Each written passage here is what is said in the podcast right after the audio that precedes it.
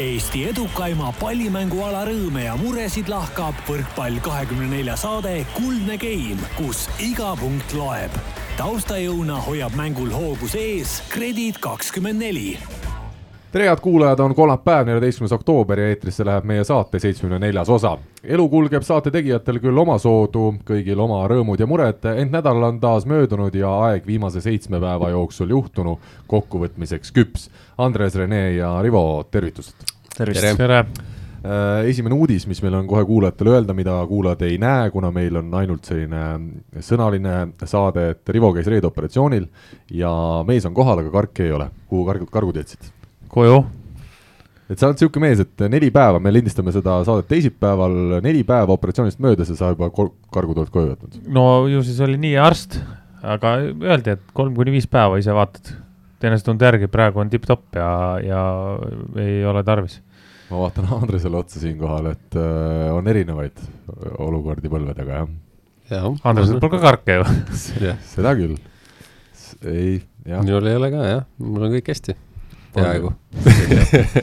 Aga selles suhtes me oleme ühesugused, ega me mängida kumbki ei saa. Me leppisime Andresega enne saadet kokku, et kui lõpuks peaks tema põlvega palju paremaks minema olukord, siis ta ise annab meile märku seda ükskord.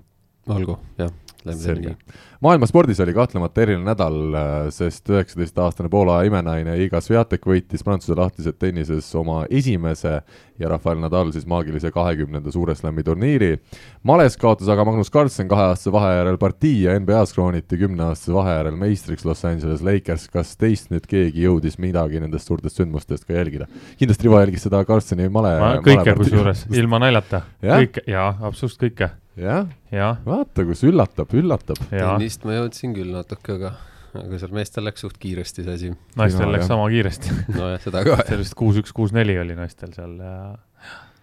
meeste mäng oli noh.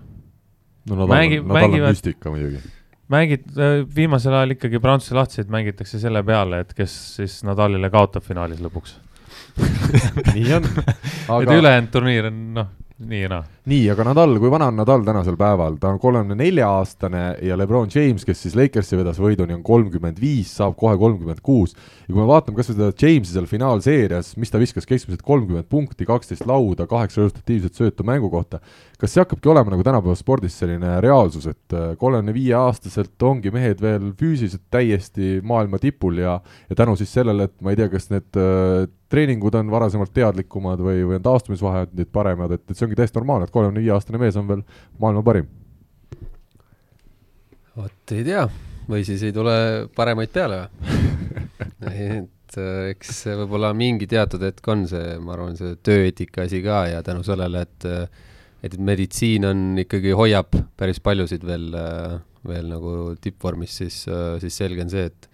et äh, teatud isiksusi siin see, see soosib, et just see kogemused ja, ja, ja füüsis veel kõva, et see, see on, ma arvan, niisugune suht, suht suur trump. Rene, kas meil võrkpallis on sarnaseid näiteid, kolmekümne nelja, viieaastased mehed, kes veel just ütleme siis mitte sidemängija ega liberona, vaid, vaid ründemängijana oleksid sedasi vaieldamatult maailma tipud? kindlasti leiab, ma arvan jah, aga hetkel jään mingisuguse nime küll nüüd võlgu. Grööser on äkki? Grööser võib-olla on sinnakanti küll jah, ütleme, et tal on küll probleeme, iga aasta on probleeme ja ja nüüd ta sellises vanuses veel võttis ette endale Itaalia matka, mis siiamaani on päris katastroofiliselt kulgenud, et et võib-olla nii Kuhu vanas, ta läks Piacenzasse Itaaliasse, et see tšempionaat on jällegi natuke teistmoodi, kui ta võib-olla harjunud on seal Venemaal ja ja mujal, kus ta mänginud on, et, et on vähe rohkem taktikaline veel ja vähe kiirem ja et tal on ikka kõvasti probleeme, aga ma ei usu, et see tuleneb füüsisest, see tuleb pigem, pigem jah, sellest tunnetusest ja kõigest sellest, et, et, et jah. Rivo, sulle Lebron James istub äh, isiku ja, ja sportlasena või? mina ausalt, minul ta selline lemmik ei ole olnud, kuna ta on küll, hästi mängib, aga ta ei jäta sellist mega voolavat või sujuvat äh, mängi, et sellist muljet ei ole kunagi jätnud, et äh, mul on pigem ikka sellised veel osale-, osavamad mehed meeldinud. Äh, jah, Lebron James nüüd isiklikult minu suur lemmik ka ei ole, et pigem äh, Los Angeleses oli, oli Anthony Davis minu jaoks, kes, mees, kes ammu-ammu väärib seda NBA tiitlit, on ju ja, ja, ja siis Rondo kes on mul olnud eluaeg üks lemmikuid ka juba, vanem härrasmees. väike mees. ja väike mees, aga osav ja, ja kiire ja, ja kõva söödumees, aga, aga kogu selle sama nagu spordi. Kristjan Kais omal ajal sinu kõrval. Kristjan Kais, jah, oli kõva söödumees jah, sest serviti kõik mulle aga see sporditeema, ma arvan, et see on kogu kompott kokku, et äh, kõik need taastumised ja kuidas tre-, alustatakse noorest peast trenni ja nii edasi, nii edasi, et kõik see tõstab seda pallimängude iga. no võrkpallis võib-olla siin viimase aja üks, üks äh, vanemaid oli Titjuhhin äkki, kes pani, pani ikka neljakümne plussini välja kõval tasemel ja, ja noh, rannavõrkpallis praegu siiamaani kõik need USA tüübid, kes lähevad nüüd järgmine aasta olümpiale, on kõik on nelikümmend pluss kõik. sinust, sinust vanemad mehed? kõik jah äh,, jah, Talhauser vist on minu vanune ja Lutsen on aasta vanem jah, et põhimõtteliselt kõik neli tükki, kes sinna olümpial saavad, on, üks ei ole, üks on sorry, üks on, üks on noor M, siis noor M. aga ülejäänud on neljakümnesed jah. aga kuna sa rannavõrkpalli juba lühidalt teemaks võtsid, siis me oleme siin saates palju maininud Terras Beachi arusaadavatel põhjustel, aga ma käisin nädalavahetusel esmakordselt siis Tartumaal Nõos asuvas rannahallis, mida sinu endine paariline Karl Jaani veab ja oli suurepärane kogemus. äge koht, on ju. sa oled käinud seal? muidugi, me oleme seal oma laagrit teinud algusest peale, esimene Eesti sisehall ja, ja millal see tehti? ammu. kümme aastat tagasi jah, ikka ammu jah, jah, väga ammu, et Rain Raud ja, ja tema isa siis äh, alustasid selle teemaga ja nüüd veab seda Karl Jaani seal väga äge koht, väga mõnus vibe on seal sees. ütleme siit pealinnast ikkagi eemal, kaugel eemal üks, üks ja ainus koht, kus seda rannavõrkpalli saab talvel mängida, et see on ikkagi väga oluline selle ala arenguks meil ka, et kunagi käisid seal isegi lätlased, sest Riias ei olnud midagi, siis lätlased sõitsid ka sinna trenni. enne kui Riiasse tehti esimesed hallid, oli ja, siis Nõos juba olemas või? see oli jah, siin ju regioonis ikkagi esimene või sihuke mm -hmm., et jah, esi- no., jah, nii oli jah, ja Karli. mis tegid seal üldse? mis rannavõrkpalli mängisin. turniir oli? ei olnud. niisama? ise tegin trenni. väga tubli, üksi, üks, tegid üks-ühte? siis ma oleks saanud ühe võidu ka aga see selleks, meil on täna palju äh, teemasid veel ees ootamas, äh, muuhulgas siis küsimust, küsimused kuulajatelt, mida me pingsalt ootasime, mida tuli rõõmustavalt palju, nii et asume asja kallale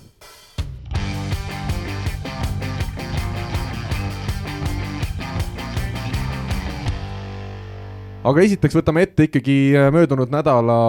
mängud siis äh, võrkpalliväljakutel ja Eesti karikavõistlused, esimesed veerandfinaalmängud, Pärnu võitis avavaatuses kolm-üks kodus Tallinna Selverit ja läheb siis oktoobri teises pooles toimuvale korduskohtumisele vastu väga heast seisust.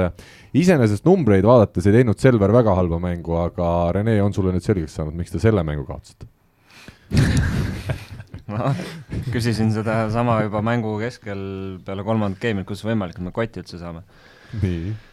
mis seal ikka, ei no ütleme jah, need numbrid, me seda ju ka korra arutasime, et eks need numbrid tulid sealt, kui me võitsime vist ühe game'i kuueteist pealt, et äh, sealt tulid need tasakaalud lõppkokkuvõttes, on ju, et aga noh, eks seal põhjuseid, detaile on ilmselt palju, et et, et raske on isegi kuskilt selles mõttes pihta hakata, tegelikult me ise ei ole mängu nagu tagantjärele tervenisti vaadanud, ma küll olen jah, vaadanud oma mingeid asju seal ja võib-olla natukene uurinud, mismoodi mismoodi me võib-olla keskelt nii hädised selles mängus olime, et, et seal oli ilmselgelt on teatud põhjused, et et äh, ma usun, et äh, jah, Mark Saru veel võib-olla vist jah, et ta ei ole meiega veel trennis käinud, ta oli Lugu kakskümmend siin vahepeal tsooni mängis, et et ju Rainer temaga täna midagi arutab ilmselt veel, aga aga, aga ikkagi tuleb endiselt, ma usun jah, väga individuaalselt kuidagi vaadata, mis tehakse, mis toimub, et äh, et, et samamoodi jällegi järjekordne video natukene, mis, mis selles mõttes vastu taevast küll läks, mitte ainult sellepärast, et me võib-olla ei suutnud mängu sees nagu jälgida asju, aga, aga ütleme siis Pärnu puhul tehti vangerdus, kus vahetati sidemängija ära. Ja ma ei ütleks, et nüüd kvaliteet sidemängija osas jube palju tõusis, aga lihtsalt kuidagi nagu kui, kui oli vaja improviseerida, siis sellega me nagu ei saanud üldse hakkama minu arust, et et äh, tegelikult ju Pärnu ei mänginud väga keerulist võrkpalli, lihtsalt äh, ikkagi kuidagi me jäime oma tegemistes mannetuks ja, ja ja võib-olla mingil määral ka ikkagi pehmeks, et just, just jällegi otsustavad momendid, äh, kus on vaja külma närvi ja seda käiku veel juurde panna, siis hetkel meil miskipärast seda käiku ei ole või pigem isegi laseme käigu maha veel, et äh, see ei ole selles mõttes võitja mentaliteet hetkel veel, mis meil võistkonnal on. kas Andres, küsimus, küsimus, küsimus kiire sa ütlesid, et äh, jälle üks video, mis läks vastu taevast, et kas siis seal video ko koosolekutel seda infot on liiga palju või liiga vähe või, või osad ei saa veel päris hästi aru, kuidas neid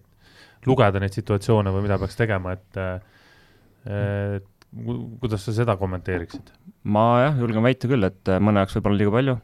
hetkel endiselt veel kindlasti, selles mõttes me oleme ju tegelikult, mis meil on, okei okay,, midagi vaatasime seal hooajaeelsetes turniiridel ka, on ju, vastast mingil määral, aga selles mõttes see on alles neljas mäng, eks äh, ma ei tea, mis, mida on siin varem nagu selles mõttes eelmised treenerid nagu teinud või kuidas nagu käitunud või kuidas see scouting on käinud, aga aga võib-olla on jah, natukene liiga, liiga palju mõne mehe jaoks seda asja, et äh, kuidagi, kuidagi jah, teatud momentidel, kui tegelikult asjad peaks nagu selged olema, siis, siis ikkagi kuidagi ei suudeta nagu seda, seda nagu ellu viia, et äh,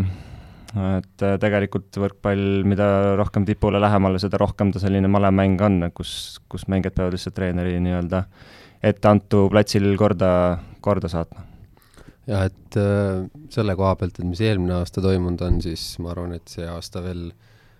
Rainer ka ei ole kõiki neid asju, me ei olegi üldse sinna paberi peale hakanud panema isegi, et, et selles mõttes justkui seda infot nüüd nii, nii palju ei saa ka olla, aga noh, just eelmise aastaga võrreldes, kus hooaja kesk, keskel juba oli, oli need paberid päris sellised, et ikka andis jälgida, on ju, et ma ütlen kuulajate eest vahele, et meil oli eelmine aasta siis Selveri treener Alessandro Biroli, kes väga armastas statistikat äh, vaadata ja sealt läbi siis igasuguseid järeldusi teha, eks ole. jah, et, et, et selles mõttes noh, võib-olla nüüd on, süsteem on natukene teine aga jah, kui siin videosid vaadata, siis, siis omalt jah, nii palju pisikesi detaile on nagu, kus, kus on nagu selgelt räägitud, et mis peaks tegema, aga, aga miskipärast need jäävad alati natukene hiljaks või, või tehakse niisuguseid, niisuguseid kaheldavaid otsuseid, kus, kus nagu ei ole nagu selliseid asju kokku lepitud, et äh, aga noh, see puhtalt tulebki sellest, et äh, kas mäng läheb äh, mitte keeruliseks, aga, aga kuidagi vastane suudab ikkagi selle initsiatiivi enda poole võtta ja ja kui, kui minnakse juba mitte närvi, aga, aga ütleme, jah, lagunebki mäng selle pealt ära, et enam ei saada aru, et mis, mis need õiged otsused on ja mis, mis on räägitud. kas nüüd äh, see järeldus on õige, mis sellest mängust teha, et ütleme, Pärnuse ründekolmik, äh, Osolins, Plataks ja Taavet Lepik on täna lihtsalt paremas seisus, kui on Kollo, Raadik ja, ja Teppan? Ei, ma seda kindlasti ei ütleks, et äh, noh, siin, siin on väga lihtne asi, et oligi, et Marti tuli sisse nagu noh, temal on riskeerivam mäng, kiirem mäng. sealt ei tulnud, noh, tuli Voogel sisse, kes äh, võttis nagu üheksateistaastane Richard Voogel. jah, tuli, ta võttis, tegi täpselt sellised asjad nagu, mis tema nii-öelda arsenalis on, et ta ei hakanud midagi üle keerutama, tuligi, tõstis siuksed äh, noh, poolkiired pallid nurka ära, pani vasta- või ütleme, enda nurgaründajad sellisesse positsiooni, kus ta sai, kus nad said mugavalt rünnata. Aga siin me jõuamegi siis järeldusele, et äh, kui sellised tõst-, tõsted tulevad, siis peaks meie plokil nagu aega olema, aga, aga meie, meie plokk jäi, jäi ka nende selliste tõstekiiruse juures nagu ütleme, auklikuks ja, ja noh, seal, seal ei olegi midagi teha, et nad tundsidki selle pärast hästi, saidki rünnakul normaalselt ja, ja nad said, noh, neil oli küll servi vastuvõtt ka parem, on ju, kui meil, aga aga, aga sellest piisas kusjuures selle, selle mängu kohta äh, mina tahaks öelda nii palju, mina vaatasin seda mängu ja minu arust nagu ei olnudki sellist asja, et kellegi võist-, ühe võistkonna käes oleks olnud mingis mõttes initsiatiiv. mõlemad nagu tiksusid seal väljaku peal, tegid mingit oma asja, aga sellist, et sa näed seda, et op, nüüd on nagu Selver, on ju, tugevam või mingi, mingites momentides, kus näed, et võistkonnal on rohkem energiat väljakul, sihukest asja nagu ei olnudki. mõlemad võistkonnad olid, tegid mingisugust oma asju ja, ja noh, Pärnul lihtsalt päeva lõpuks õnnestus nagu paremini. ja et sellist, sellist tunnet ei jäänud nagu platsi kõrvalt ka, et äh, et kui keegi saab initsiatiivi, et noh, et okei okay,, nüüd, nüüd veel surume veel rohkem, et kedagi põhja või või kui olid tagaaja rollis, et nüüd oleks hirmus niisugune, et noh, nüüd punnitame tagasi, et niisugune jah, selles mõttes oli küll see tunne oli niisugune tiksumine, tiksumise tunne, et kuidagi kas sabas sörkisid või, või olid kuidagi võrdselt või, või et sellist jah, niisugust emotsionaalset poolt on nagu olnud äh, selgelt liiga vähe, et kus vahest võib ka üle keeda nagu, et, et tulla tagasi mängu, aga kuidagi selline natukene liiga passiivsed jah, jääb see pool kindlasti kohe neli meistriklubi on siis kõik juba võitnud Selverit tänavusel hooajal, Rivo, ma küsin sinu käest, kuidas nüüd sina sellele asjale otsa vaatad, kas see on, näitab, et meil on teised klubid meeldivalt heal tasemel ikkagi tänavusel hooajal või sa näed, et see on lubamatu, et Selver nagu nii palju on hakanud järjest kohe hooaja alguses kaotama? ei noh, kui kaotada, siis kaotada hooaja alguses. selles suhtes ma ei näe siin mingit väga suurt probleemi, eks karikamängud on teine asi, et siin äh, siin on juba kohe midagi mängus ja, ja, ja see on natuke teine teema. seal kaotamise koha pealt ma ei, ei näe, et see on mingi hiiglaslik probleem täna. et äh, noh, nagu me oleme rääkinud, Selveril on näha, et mehed ei ole kokku mänginud, sidemängijatega ei ole veel klappi väga head, et see, seal on, on väga palju juurde panna väga, väga-väga palju juurde panna. aga ma rääkisin Avo Keelega, mulle lihtsalt meeldib tuua siin äh, vastupidiseid argumente, tema ütleb, et see jutt, et kokku mängu ei ole, et aga et millisel klubil see on siis oktoobrikuus äh, meeletult hea kokkumäng? et kas see ei, nagu pädeb no, või ei päde? ütleme nii, et äh, Tartu kokkumäng on teatud põhjustel kindlasti parem täna, kui, kui on Selveri oma. Saaremaa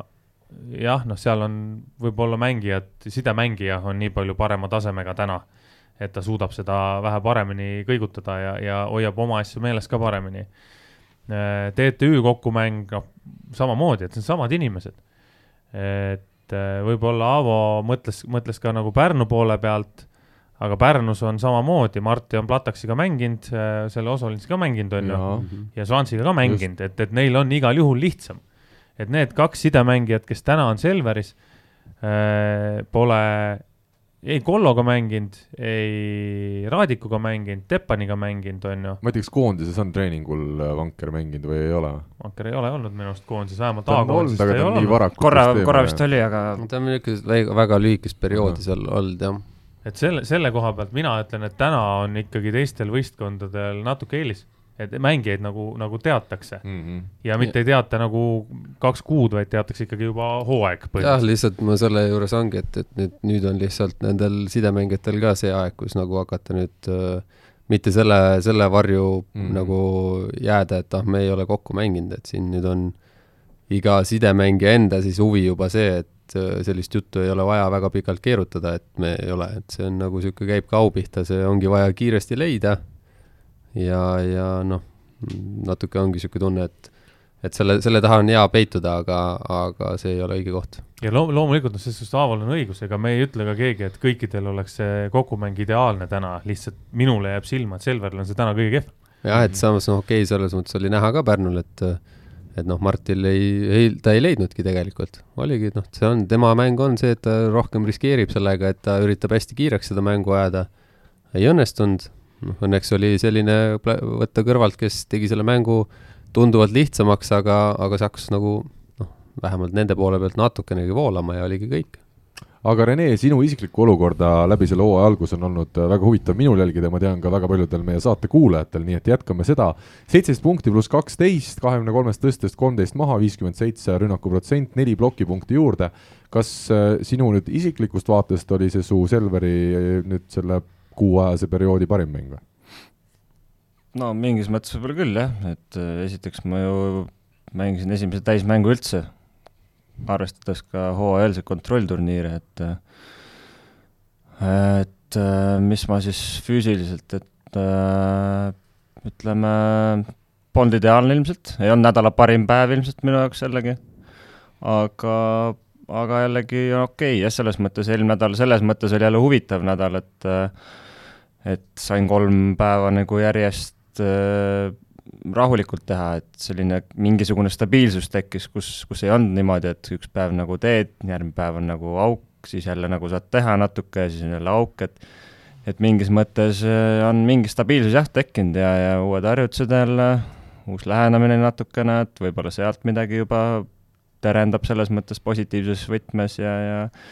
aga eks ütlen ausalt, ega mul on endal endiselt veel väga raske seal väljaku peal olla, selles mõttes ma ei ole oma sooritusega kindlasti rahul, et äh, seda,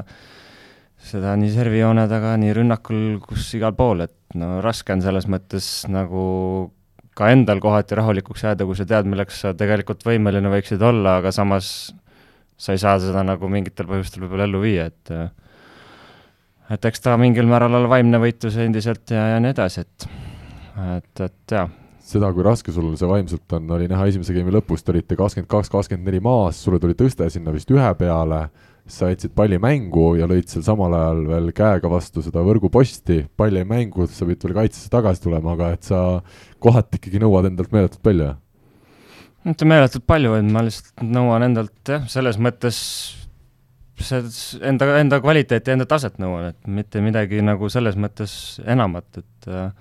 et jah, seesama vibutus oligi tegelikult, oligi see enda kohta, et kurat, jälle nagu selles mõttes normaalne pall on ees, ma, ma näen väljakut selles mõttes enda arust päris normaalselt ja hästi, et lihtsalt, lihtsalt ma tean, et kui see laks oleks seal sees, siis see pauk oleks selline olnud, kus ongi, kui sul kaitsemees seal see pall lendab tribüüni, noh. see ongi see vahe lihtsalt samamoodi servil, noh, hetkel ma nagu äh, ja ma võib-olla servin seal võib-olla palju vigu või midagi sellist ei tee, aga ma tean, et mul on seal ütleme, parimal päeval isegi kakskümmend kilti tunnis puudu sellest kiirusest seal mm -hmm. ja see, see on ikka väga rets vahe, selles mõttes on ikka väga-väga suur vahe. ütleme, need mehed seal mängiks heal juhul kaitses päris, päris mitmetes olukordades, mitte lihtsalt selles mõttes, mis seal mängu jooksul oli, kui ma saan viie meetri peale selle vastuvõtu, siis on juba nagu õnnestunud, et, et no tegelikult ma ikkagi, ma arvan, ma olen mängija, kes kes peaks minema, kellel, kellel on vabadus minna ässa lööma. aga karikavõistlustel siis möödunud nädalal peeti veel kaks kohtumist, Tartu Bigbank võitis äh, Tallinna klubi Neemekot, Lootus, Timber, Neemeko, ma ütlen kõik, et toetajad kõikigi oleksid rahul esiga klubidele, kuna ega nad väga tihti ju siia pilti ei satu, minu arust muidugi võiks olla Lootus, Tinder, Neemeko. Rivo, võiks olla, see oleks hoopis teine, ei? no või oleks küll. noh. Rene vaatab, Rene vaatab, Rene vaatab mulle praegu nii otsa, et lootusrikkalt. jah, lootusrikkalt. et ma ka arenen, aga ei, ikka iga saade on mul samad teemad ja Saaremaa võrkpalliklubi võitis siis Tallinna Ülikooli üle pühapäeval kolm-null võidu ja vaadates seda, kui bravuurikas on ikka meie Tallinna Ülikooli võistkond, tervitame siin Urmas Piiki, kes ikkagi ükskord lähiajal peaks meil ka saatega liituma ja ja loodetavasti sõna sekka ütlema, et see oli ikkagi, ütleme ausalt, Tallinna Ülikooli mehed, kes te meid kuulate, see oli ikkagi piinlik kaotus, neliteist, kuusteist ja üheksa punkti. Et siin ikkagi üheksa lausa? üheksa, alla kümne ma ei tea, ma muidugi see oli vist Reimo Kuri oli puudu, äkki oli keegi veel puudu, kindlasti leidub neid vabandusi, et Kuressaarde sõit oli raske ja võib-olla mehed juba seal tegid mõned, eks ole, kangemad, aga, aga noh. praami peal kindlasti. noh, hea hinnaga, seal on ja, juba supp on viis eurot. jah, et saaks lokset äh, tasakaalustada. Ühesõnaga, tervitame Tallinna Ülikooli, ütleme, et uh, Urmas, sul on väga raske töö nüüd seda meeskonda, seda siis sõnades välja vedada siit uh, sellisest kaotusest, aga, aga et me ootame sind saatesse, et et me tahame teada, mis siis ikkagi juhtus, teine mäng on muidugi ees ootamas, kodus võib-olla Tallinna Ülikool võtab selle kolm-null ja kuldse game'i ka ja läheb edasi, aga, aga seal ei ole, kuldset game'i ei ole, seal on otsustav mäng. Karikas, karikas mängitakse kahe mängu võiduni. kuldne game on kahe mängu võiduni, ütles kes iganes, kommenteeris sa ei teadnud ilmselgelt. Sa just, kuulad ülekandeid, mida inimesed ei just keegi kommenteeris, ütles, et on, on kes see kommenteerib sul? ma ei mäleta. see, kui sul pereliige jälle kuskil kodus äh, ahju taga kommenteerib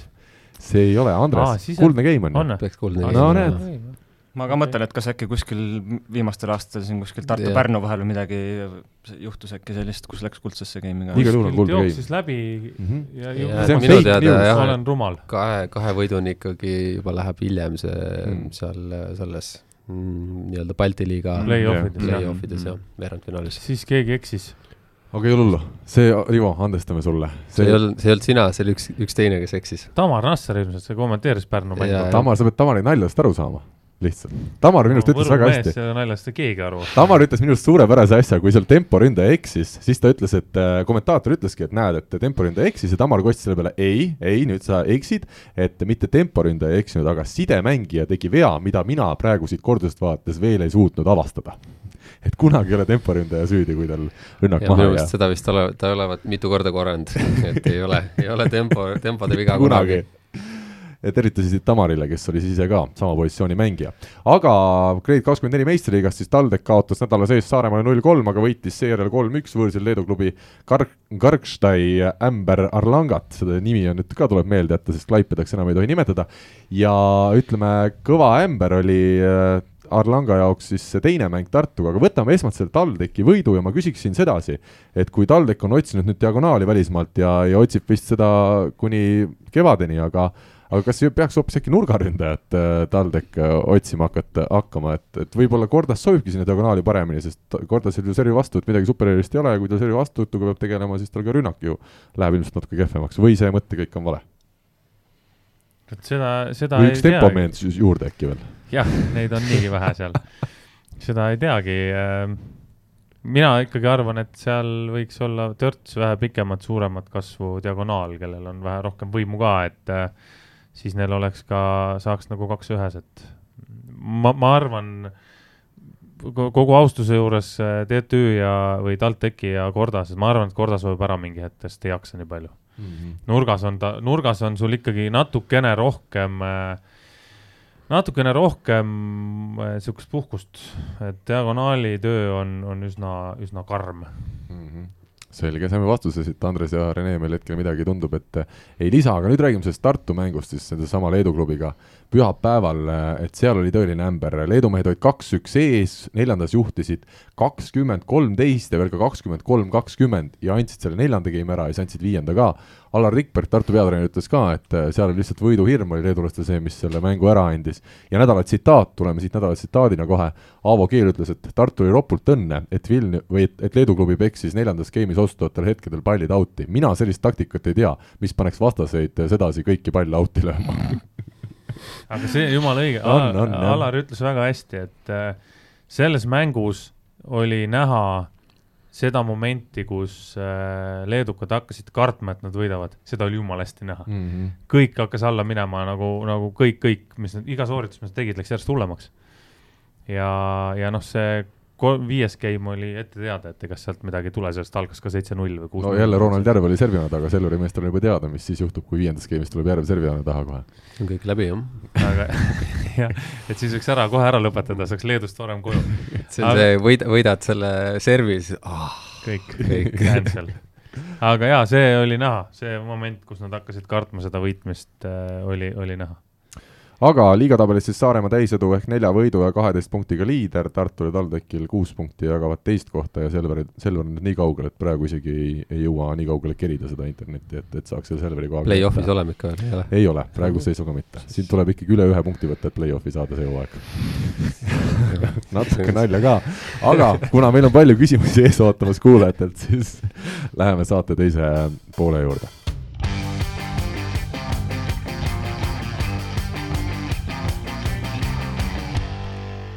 nii, Rivo, äh, tuleb välja, et ikkagi kuulajaid meil on, kes ka julgevad sõna sekka öelda. Nelisport on siis tulnud meil küsimusmängu rubriigi toetajaks seda ja meil on tulnud siis esimesed küsimused ja päris palju huvitavat, nii et võtame seekord kohe ette need küsimused, ei jõuagi siin välismaal toimuvatest Eesti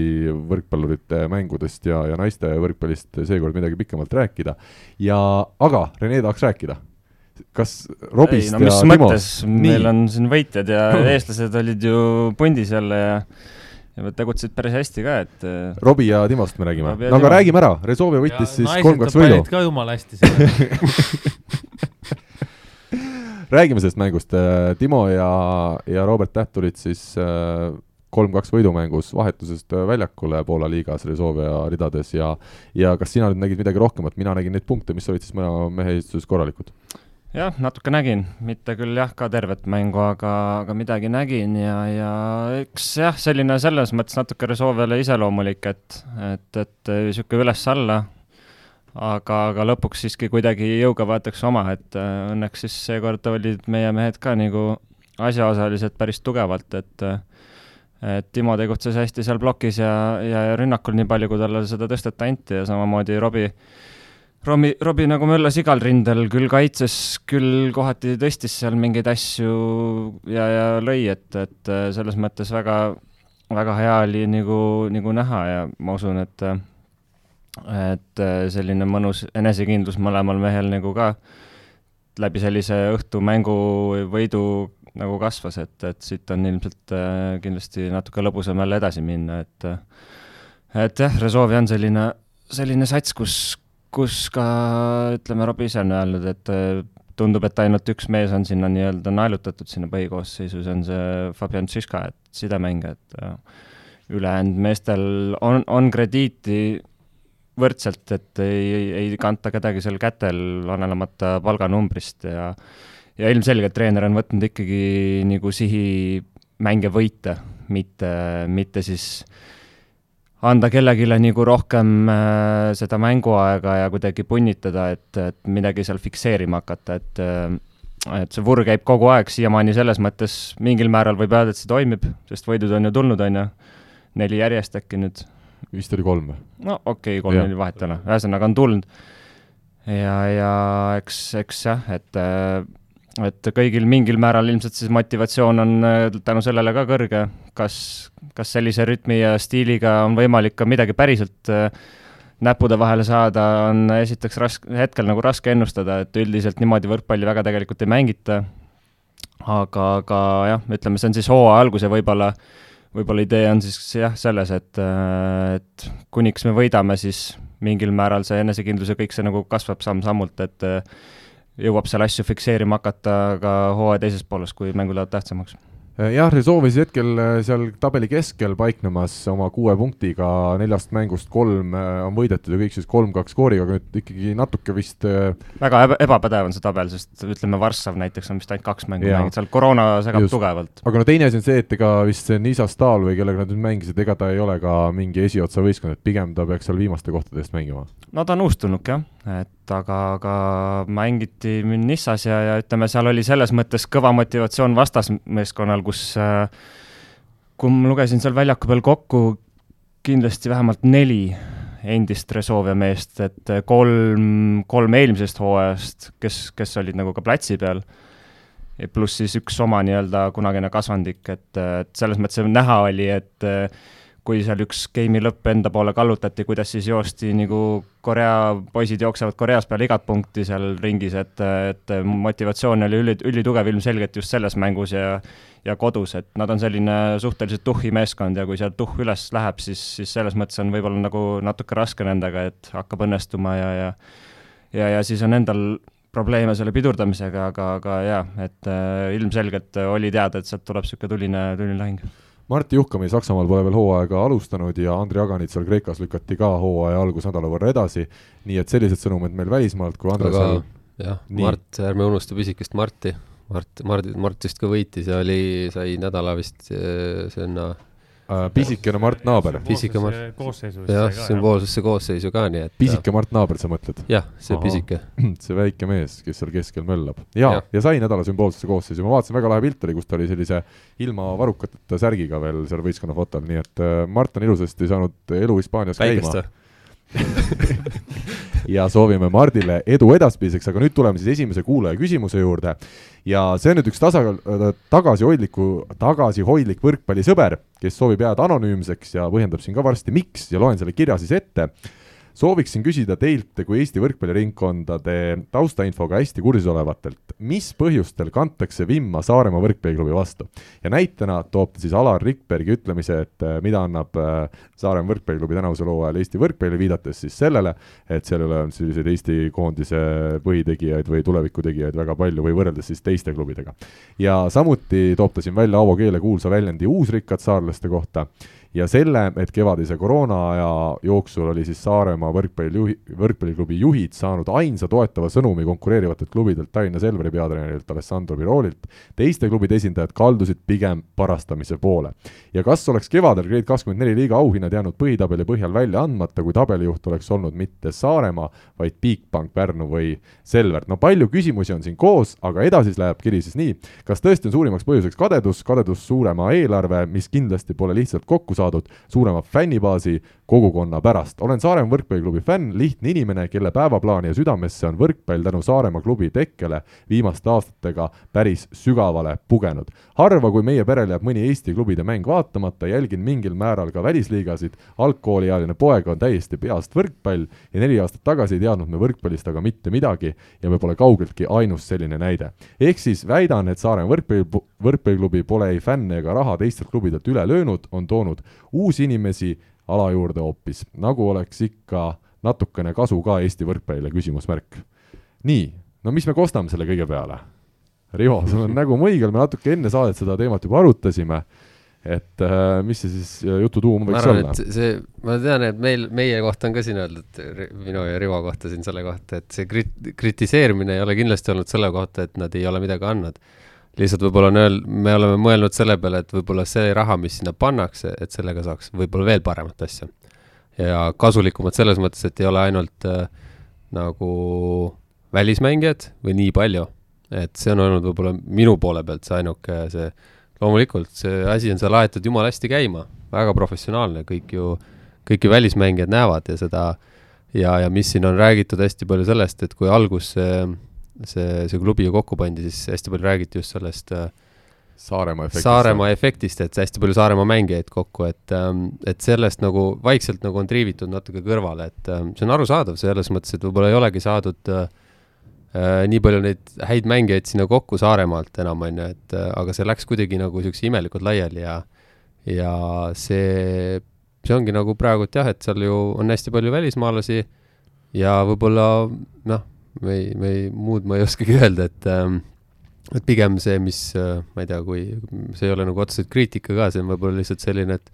meie vaated, mitte, mitte et midagi keegi on halvasti teinud. mm.. ongi, kindlasti ongi väga hästi on tehtud, seal on väga hea võistkond, väga palju fänne, kogu aeg on, käib selle ümber möll ja see on nagu igal juhul pluss, et noh, et see, et siin keegi kritiseerib, noh, võib-olla on kadedus ka, et äh, ja pluss Alar Rikberg kindlasti lihtsalt talle meeldib natukene intriigi sisse tuua, et see võrkpallielu siin keeks rohkem veel. jah, et no lihtsalt ongi, et no mina näiteks ka ei näe nagu väga, et noh, mis üks asi mina, mina nagu ei ole aru saanud, kas äh, täpselt, kas äh, kui, kui palju ja, ja noh, seal on, ma arvan, Saaremaal endal see probleem, mis nad peavad ära lahendama, on see, et nende uute noorte tulek sinna võistkonna juurde on see, see probleem, et me küll noh, nad panevad päris palju raha sinna alla, aga väga palju ei näe, et, et need noored, et seal juba need noorteklubidega on seal nii palju probleeme, et kes on ühe poole peal ja kes on teise poole peal ja seal see omavaheline see võimuvõitlus, et Mm -hmm. et sellega nad peavad ise rohkem tegelema. ma jah, see, see on nagu see pool kindlasti, et äh, kui palju nagu sealt nüüd siis äh, neid noori tuleb puhtalt selle pealt, et emotsioon vaadata seda mängu, mis need mehed ees teevad, aga kui palju on neil nagu võimalik ka sinna pärast siis äh, sinna võistkonda saada. aga ma tean seda, mis klubi nüüd ise on öeldud, no näiteks Mihkel Tanila kohta, kes on saarlane, et eh, kui ma siin Hannes Sepalt mingi hetk küsisin, et kas Tanila, see oli vist eelmine hooaeg isegi, et miks Tanila ei jätka või ei ole, siis ta ütleski, et aga Tanil ei ole täna sellel tasemel temporündaja, keda meil nagu vaja oleks, et klubi, ütleme, eesmärgid on kasvanud sinna, et nad tahavad olla Eesti parim klubi eurosarjas hästi mängida ja kui me vaatame saarlasi, kes siis sellel tasemel neid aidata suudaks hästi, oleks kindlasti Timo Tammemaa, aga noh, mees, kellel on välismaal nii hea leping, et sellega Saaremaa ei saaks mitte mingis osas äh, konkureerida, Puparti nad nüüd tõid tagasi, Pulk on ka tänavusest hooajast tagasi, aga et noh, ongi keeruline vist leida sellisel tasemel Saaremaa mehi, kes seal põhirolli suudaks kanda täna. kindlasti, kindlasti ongi, selles mõttes kindlasti ongi, et ongi võetud kindlasti väga suured sihid, aga, aga, aga siis nagu ongi see, et siis ei ole nagu see põhjendatud ka see, et äh, kui väga palju saab nagu aidata eestlasi just nagu selles mõttes, et jaa, loomulikult noortel on nüüd äh, noh, eesmärgid, et ma saaksin nii heaks, et ma saaksin võib-olla Saaremaal põhikoosseisus mängida, aga noh, samas, samas ongi, et siis sa pead olema nendest välismaalastest kindlasti parem juba. Kas kõik on nõus sellega, ega siin vist mingil määral olen nõus, mingil määral on enda vaated ka, et mina mängijana küll väga tervitan seda Saaremaa võrkpalliklubi siin ja mis puutub nagu nende oma mängijatesse, sest noh, tegelikult neil on omajagu seal oma mängijaid, et pigem võib-olla on jah, see, mis rolli nad seal mängivad nagu platsi peal olles, et äh, tegelikult seal on mõlemad liberod, eks, Keit on, Pulk on, Elari Jalg on, Ragnar Kalde on, on ju, et nagu selles suhtes noh, Saaremaa on ikkagi saar, et seal on ka omad piirangud ja loomulikult äh, see, sa ju päeva lõpuks noh, sportlik tulemus ka maksab, et see on arusaadav, et sul ongi välismängijaid vaja ja võib-olla neil ongi natuke rohkem raha, et tuuagi natuke kvaliteetsemaid välismängijaid ja, ja ambitsioonid on mulle kui sportlasena küll väga nagu selles mõttes okeid jah, et et, et kindlasti ta annab kogukonnale juurde ja nii edasi ja, ja isegi kui ta on nagu natukene võib-olla mingil määral siis üle teistest võib-olla klubidest ka oma tasemelt, siis mina vaatan isiklikult küll seda niimoodi, et et tahaks siis ikkagi nii palju trenni teha ja niimoodi Just. Mängida, et, et neid üks päev võita, mitte nii, et ah kurat, jälle see on see Saaremaa, et ei ole jälle varianti ja jälle nad tõid kellegi, et ja mis puudutab jah, noor, noormängijaid, siis ausalt öeldes mina vaatan seda asja nii, et kui ma mõtlen enda aega tagasi, siis mina ei arvagi, et tänasel päeval noored peaks liiga lihtsalt igalt poolt peale saama ausalt öeldes. et äh, see avanss mingil määral jah, okei okay,, sa võid seda anda ja mingil määral ilmselt sa peadki seda andma, aga kas see annab sellele noorele nagu siis tulevikuks ka nagu midagi, et, et mina isiklikult ja minu üldse vanusemehed seal kunagi väga hästi mäletan, et hea, kui noh, me hüppasime rõõmust lakke, kui me üldse kuskile satsi saime, tänasel päeval, vabandust, aga ma Pärnu pinki põhimõtteliselt nimepidi absoluutselt ei teagi, et, et iga, iga põhimõtteliselt mees juba saab, saab selles mm. mõttes pingi otsa peale meeste võistkonda, et see ei ole minu arust ka nagu eriti teretulnud lahendus, et ikkagi, ikkagi see noor võiks selles mõttes nii palju vaeva näha ja, ja nii palju tööd teha ja nii palju ise mees olla, et sa lihtsalt äh, vaikselt, ma ei ütle, et sa pead jalaga ukse lahti lööma, aga, aga aga põhimõtteliselt sa võiksid kuidagi sinna jah, oma, oma tegudega nagu pääseda, mitte et mitte et lihtsalt keegi annab jälle sulle avanssi, et see ei ole ka päris okei okay. Selle kui... koha pealt ma veel korra ühe selle, nende kadeduste või selle poole pealt, et kui kuulata Aavo keele sõnu, siis nendel, nendel on, asjal on alati nagu kaks külge, et ega ta, ma arvan, et ei ole kritiseerinud otseselt seda, et et nüüd kellelgi on liiga palju raha, et see on pigem alati see, et endalt või mingitelt muudelt inimestelt siit nii-öelda pressurit eh, maha võtta mm -hmm. või survet maha võtta, noh, neil ongi vähem, on ju, ja siis on ju jube hea öelda, et noh me ei saanudki sellepärast vastu, et meil on vähem raha, mitte sellepärast, et võib-olla oskusi oli vähem, mida iganes, et see, seal on alati mitu külge, et seal ei ole ainult see, et see võtta ühest lausest kinni ongi kõik, et jaa, aga võtame edasi, kuna meil küsimusi jagub, Rivo, sa saad sõna järgmise küsimuse juures. Ehm, meil on üks küsija eesnimega Aare ja tuleb ta Saaremaalt, ehm, ega Rivo ei, ei pruugi aimata, kes see on, aga esmalt tänab siis Aare Rivot, kes innustas saates ka kõiki naisi, lapsi, algajaid ja niisama aktiivseid lollakaid küsimusi esitama. Ja nüüd ta siis vist vihjab endale selle viimase osas ja tema kiri algab sedasi, et algab rubriik Üks loll versus viis tarka ja Urmas seda siis võtab siin ka mängu. ampluaa on lai, karjääri lõpetanud on üks mees meie saate siis osalejatest, kolm on karjääri tegevad ja Karl, anna andeks, sul pole olnud, ei ole ega tule ka võrkpalluri karjääri. oleme selles kokku leppinud ja oleme kokku leppinud, Aare, aitäh sulle, järgmises saates sa ilmselt enam sinu küsimused läbi ei lähe. aga võtame esimese küsimuse. Rivo hakkavad emailid hakkavad nüüd džanki minema. Rivo, kas sul on oma mängija karjääri jooksul olnud mõni mäng, mis kummitab siiamaani, et kurat, teinuks miskit teisiti, siis tulnuks välja hoopis nii. kõvasti jah, siiamaani ei kummita selles suhtes äh, aga neid, neid mänge ikka on mingisugused, mis on meeles, kus, äh, kus võiks nagu midagi teha ol, olnud. aga noh, rannavõrkpall, saalivõrkpall, rannavõrkpallis eriti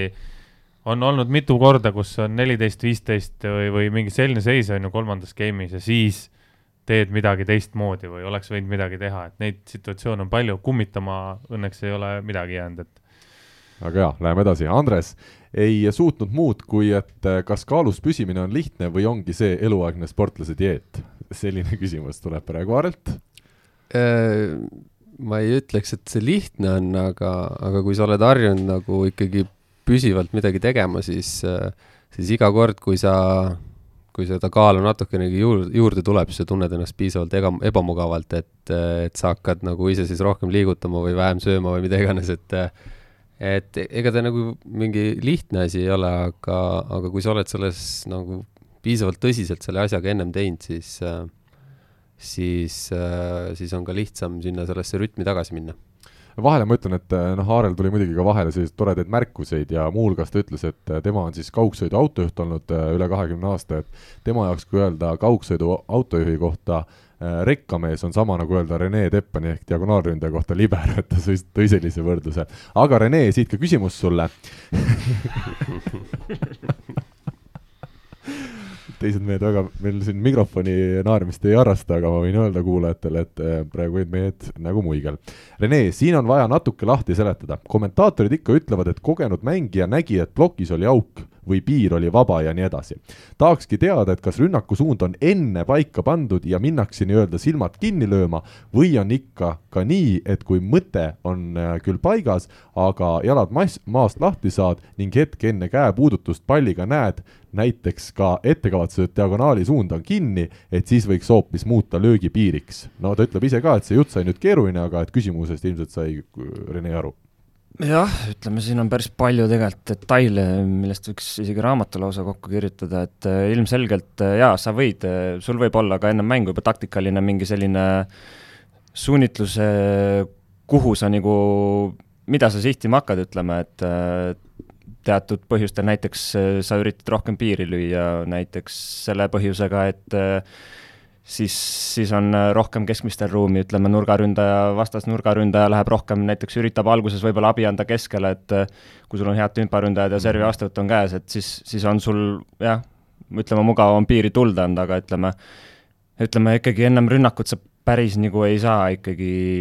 välja mõelda, kuhu sa, kuhu sa nagu lööma hakkad, sest et ütleme, see sõltub, see sõltub vastaste plokist, see sõltub äh, konkreetsest tõstest, äh, põhimõtteliselt ma arvan, ükski pall tegelikult võrkpallis ei ole mitte kunagi nagu samasugune, et et see, see, selle nimel küll tööd tehakse, et ta oleks võimalikult samasugune, aga kindlasti ta ei ole, et et äh, jaa, plokki ja kõike seda või, on võimalik näha, keegi silmad kinni, noh, okei okay,, ma ei saa öelda keegi, aga ütleme, mida kõrgem on tase, aga äh, seda vähem seda juhtub, et et selle, selle eeldus on see, et sul on ikkagi sidemänge ka, teatud nii-öelda klapp, et sa ei pea keskenduma sellele pallile või sa ei pea mõtlema, et kuidas see pall nüüd tuleb, sa saad ainult keskenduda oma liigutusele ja sa lähed paned, et, et et mis puudutab seda olukorda, kus sa nagu oled võib-olla jah, oma peas isegi mõelnud mingisuguse asja välja ja selgub, et näiteks ma ei tea, tõste on lühike, tõste on pikk, mis iganes, et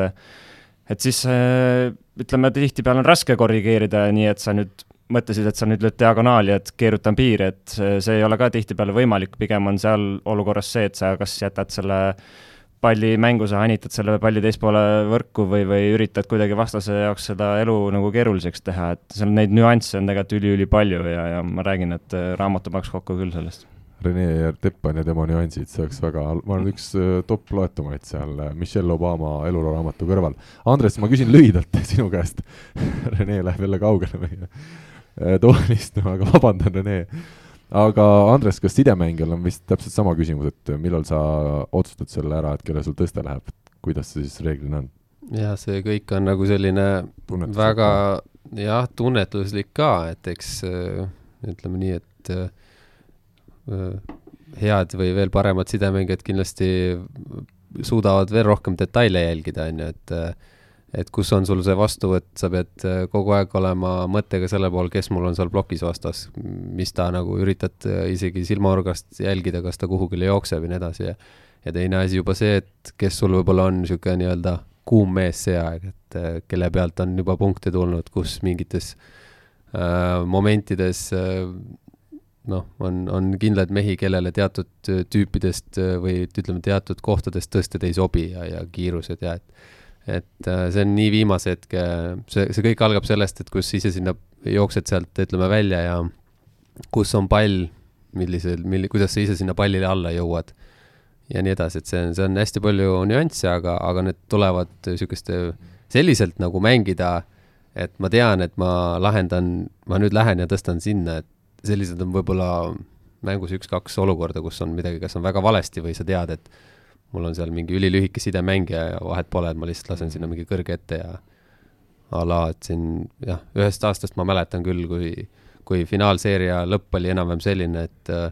kui Orav oli ees, siis, siis sinna andsid niisuguse pooliku lihtsalt võrgu peale ja siis ta läks ja lõi ära, et sest seal ei olnudki vaja mingit muud nagu lahendust leida, et et see, aga seda on, seda juhtub üliharva ütlen veel lõpetuseks äh, sellele küsimusele, et Rahvaliigas on meil nii, et ei peagi midagi ette mõtlema enne rünnakule minemist, mina sealt nelja pealt tulen ja kuna ma sisuliselt piiri rünnata ei oska, siis on alati diagonaali. hoolimata tõstest, hoolimata plokist. Rivo, sa oled oskad küll rünnata piiri, ma olen näinud. sa oled õpetanud mind nüüd jah, aga see on rannas no, see on rannas. nii, aga läheme edasi. järgmine küsimus, aa, minul oli ka siin küsimus, et kui sina edastad Eesti rahvale mängu ja ütled, et see oli kiire tõste nurka, siis kuidas seda teada, et just kiire? mõõdad stopperiga aega või et pall ei tohi kõrgemale minna kui kolm koma seitsekümmend kaks meetrit? kiire vastus sellele, läheme järgmise küsimuse juurde et küsimust tähendab vastust ei tulnud. Aga Reene Pärnumaalt äh, küsib, äh, kuidas siis selle nii-öelda väljaminekuga on, äh, jutt käib siis välismaale siirdumisest. saadetest on korduvalt läbi käinud mõtted nagu treeneriga ebakõlad, puuduv mänguaeg, kehvad treeningtingimused, maksmata palgad, täitmata lubadused ja nii edasi. miks üldse peaks minema siis välja mängima, kui kohati tundub, et Eestis on professionaalsem kogu värk, millal on üldse õige aeg minna? Uhuhuu, päris selline keeruline küsimus vist, millele sedasi üheselt vastata, et, et eks välja ikka tasub minna mängima. tead, selle koha kohta on alati see, et kui sul makstakse ilusti ära ja ilus hooaeg on, siis, siis sellest ei räägita, et, et kõik on hästi, et tavaliselt räägitakse ikka siis, kui on midagi väga valesti, et see on igav, kui, kui on hästi, see on igav. see, see on nagu tüüpiline asi minu meelest, ma ei tea, Renks võib siit kõrvalt äh, öelda, kas nii on või mitte, aga minu meelest päris tihti välismaal on niimoodi, et välismaalased omavahel saavad seal posti juures kokku, ükskõik, kas nad teavad üksteist või mitte, siis alati hakatakse juttu rääkima ja siis alustatakse sellise lausega, et sa ei kujuta ette, kui loll mu treener on. see on minu meelest üks niisugune põhilisemaid asju või, või, või midagi on klubis väga valesti, et et ega, ega sellised asjad, kui on kõik hästi, siis ähm, siis räägitakse vähem, siis äh, võib-olla ollaksegi natuke õnnelikumad, ei viitsita sellel nagu vinguda, et et see on niisugune tüüpiline aga noh, ma arvan, et iga mängumehe jaoks on ka see, et, et lihtsalt sa oledki välismaal, sa oled teisel positsioonil, et siin on kõik oma ja tuttav, et see on niisugune ma ei tea, mul teema nagu rohkem. jah, et äh, mul üks äh, tuttav ei, ei, ei luba enam kasutada väljakutse, sest see on nagu põhimõtteliselt ikka niisugune rüütli, rüütli romaanidesse liigitav sõna, aga ma ise ikkagi kasut-, kasutaks seda, et see on tõesti selline, see enda jaoks nagu väljakutse, et sa lähedki, lähedki võitlusesse, et et, et panna ennast proovile ja, ja, ja kas sa sellest nagu välja ujud või mitte, et seal, seal tekib omamoodi jälle mingid nüansid ja ja ma ei ütle, et see peabki väga hästi õnnestuma, aga, aga see annab äh, kogu, ma arvan, teiseks ülejäänud mittesportlase eluks nagu päris, päris suured niisugused äh, võitleja hinge või niisugused äh, väga ebamugavatest positsioonidest välja rabelemise niisugused, niisugused eeldused või, või, või noh, pagasi. millal on õige aeg minna? Kohe, kohe, kui kutsutakse. aa, sul on nii? ei, see, selles suhtes äh, eks need pakkumised, asjad tuleb kõik üle vaadata, aga, aga mina küll soovitaksin minna ikkagi, kui on enam-vähem korralik pakkumine, korralik liiga, korralik klubi, siis äh, mis on korralik tasub, pakkumine, korralik liiga? Nii, tuhat eurot kätte Šveitsi kõrgliigasse? Äh, jah, miks mitte, alustuseks, miks mitte, see, see ei ole üldse nagu halb variant, oleneb su vanusest, oleneb, kõik no just, seal, seal on just, palju asju just. tuleb juurde. et tänapäeval see valik on võib-olla läinud selles suhtes natukene natukene keerulisemaks, et Eesti liiga ikkagi muutub aastast aastasse üsna palju, et neid uusi mängijaid tuleb juurde, välismängijaid vahetatakse üsna palju, et see liiga nägu natukene nagu muutub kunagi ütles Marek Pihlak, ütles väga hästi seda, kui küsiti, et kuule, et sa nüüd olid mingi viis aastat Pärnus on ju, siis läksid Tartusse ja nüüd olid kaheksa aastat Tartus, et miks sa mingis teises klubis ei taha mängida. siis Marek Pihlak ütles, aga mis vahet seal on, kus ma Eestis mängin, täpselt samade nägude vastu mängida, täpselt sama mäng. mängijad vahetavad, et nüüd, täna on, ongi läinud nagu selles suhtes mõnes mõttes nagu väga õige küsimus, et miks peaks minema. Äh, mina arvan, et peaks minema siis, kui sa hakkad tundma, et nagu siin jääb midagi puudu. Et siin, siit taga, tahaks nagu midagi rohkemat et siis võiks minna rahulikult välja. minu küsimus ongi, no võtame Robert Viiberi, kuna ma seda Tšehhi liigat mainisin äh,, minule nagu tundub eelnevalt vaadates, et ega see Tšehhi liiga nagu iseenesest ei ole nüüd midagi palju erilisemat kui Eesti liiga näiteks. aga oota, aga kui Robert Viiber tagasi tuleb, me ei tea, milline ta on, äkki ta tuleb tagasi, on hoopis teine mees, hoopis parem mängija. ja Robert ongi, kuna ma ise käisin tal eelmine aasta seal külas, kui ta mängis, ta tõigi välja erinevad näited, miks tema jaoks oli tähtis minna välismaale mängima ja, ja miks tema karjäärile ta ise tunneb, on see juurde andnud, et see on nii personaalne küsimus vist. Rene, kuidas sulle tundub, millal see see õige aeg siis minemiseks on? no räägime veel korra Vibust, siis ma arvan, ehk siis Viiberist, et äh, esiteks jah, ütleme, Tšehhi on oluliselt Euroopale lähemal, see on üks point kindlasti, miks ta seal nagu jätkuvalt või noh, ütleme, eelda-, eelistab ikkagi nagu olla, olla Tšehhis, mitte tulla tagasi näiteks Eestisse.